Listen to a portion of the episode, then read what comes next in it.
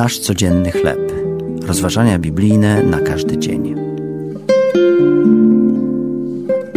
Na czym się skupiam? Tekst autorstwa Davida McCaslanda na podstawie listu do Hebrajczyków, rozdział 10, wersety od 32 do 39.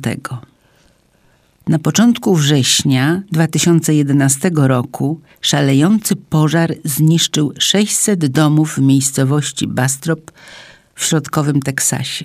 Kilka tygodni później gazeta Austin American Statesman opublikowała artykuł pod tytułem Ludzie, którzy najwięcej stracili, skupiają się na tym, co pozostało.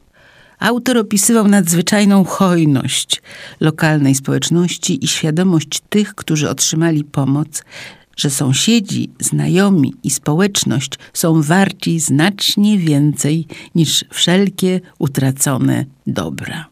Autor listu do Hebrajczyków przypomniał chrześcijanom pierwszego wieku, by przypomnieli sobie, jak dzielnie przetrwali prześladowania na początku swojej drogi wiary, nie poddali się zniewagom i presji i mężnie stali u boku innych wierzących.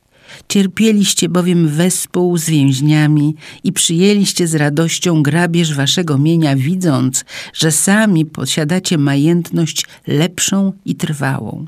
Skupiali się nie na tym, co utracili, lecz na sprawach wiecznych, których nikt nie mógł im odebrać.